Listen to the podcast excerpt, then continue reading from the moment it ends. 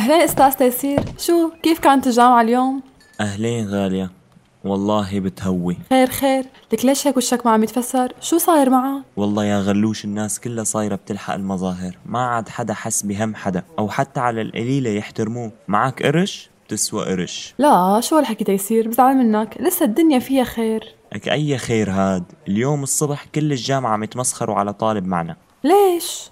هذا يا ستي هذا الطالب كان أهله وضعهم المادي كتير منيح. فجأة بفلس أبوه لهالشاب وبيخسر كل المصاري. هالشاب المسكين اضطر إنه يشتغل بمحل شاورما بعد الدوام. وكل الطلاب صاروا يروحوا قصدا على المحل ويحسسوا إنه وين كنت وين صرت. إيه والله زعلت عليه. اي بس بضل الشغل مو عيب. وبرافو إنه قوي وقد حاله وعم يشتغل حتى يطلع قسط الجامعة. بعدين ما بتعرف المقولة اللي بتقول. ارحموا عزيز قوم زل عن الرسول عليه الصلاة والسلام. بلا أنا بعرفها بس بدك الناس تفهمها وتعرف شو هي. ممتاز معناها قوم ساوي قهوة وتعال أخبرك شو قصة هالمقولة. إيه والله بدها فنجان قهوة يخلي راسي صحصح. خليني خبرك. على هوا راديو سوريالي.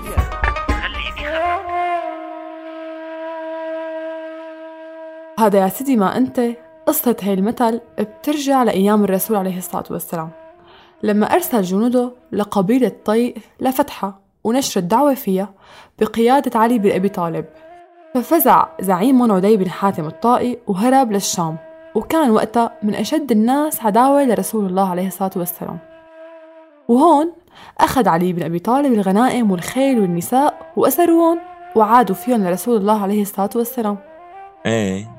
وكان من بين هي الأسرة سفانة بنت حاتم الطائي يلي استنجدت برسول الله وقالت له يا محمد لقد هلك الوالد وغاب الوافد فإن رأيت أن تخلي عني ولا تشمت بي أحياء العرب فأنا أبي كان سيد قومه يفك العاني ويقتل الجاني ويحفظ الجار ويطعم الطعام ويفرج عن المكروب ويفشي السلام ويعين الناس على نوائب الدهر وما أتاه أحد ورده خائب قط.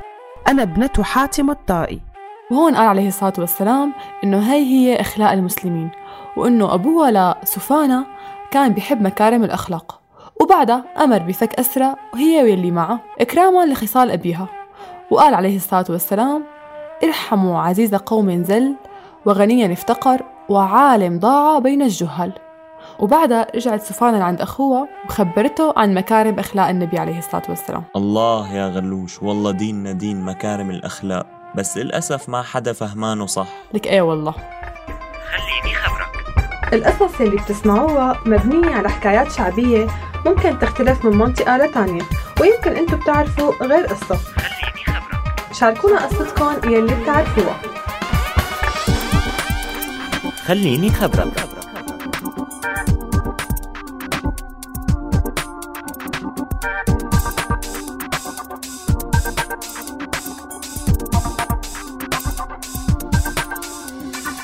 هذا البرنامج من إنتاج سوريالي 2018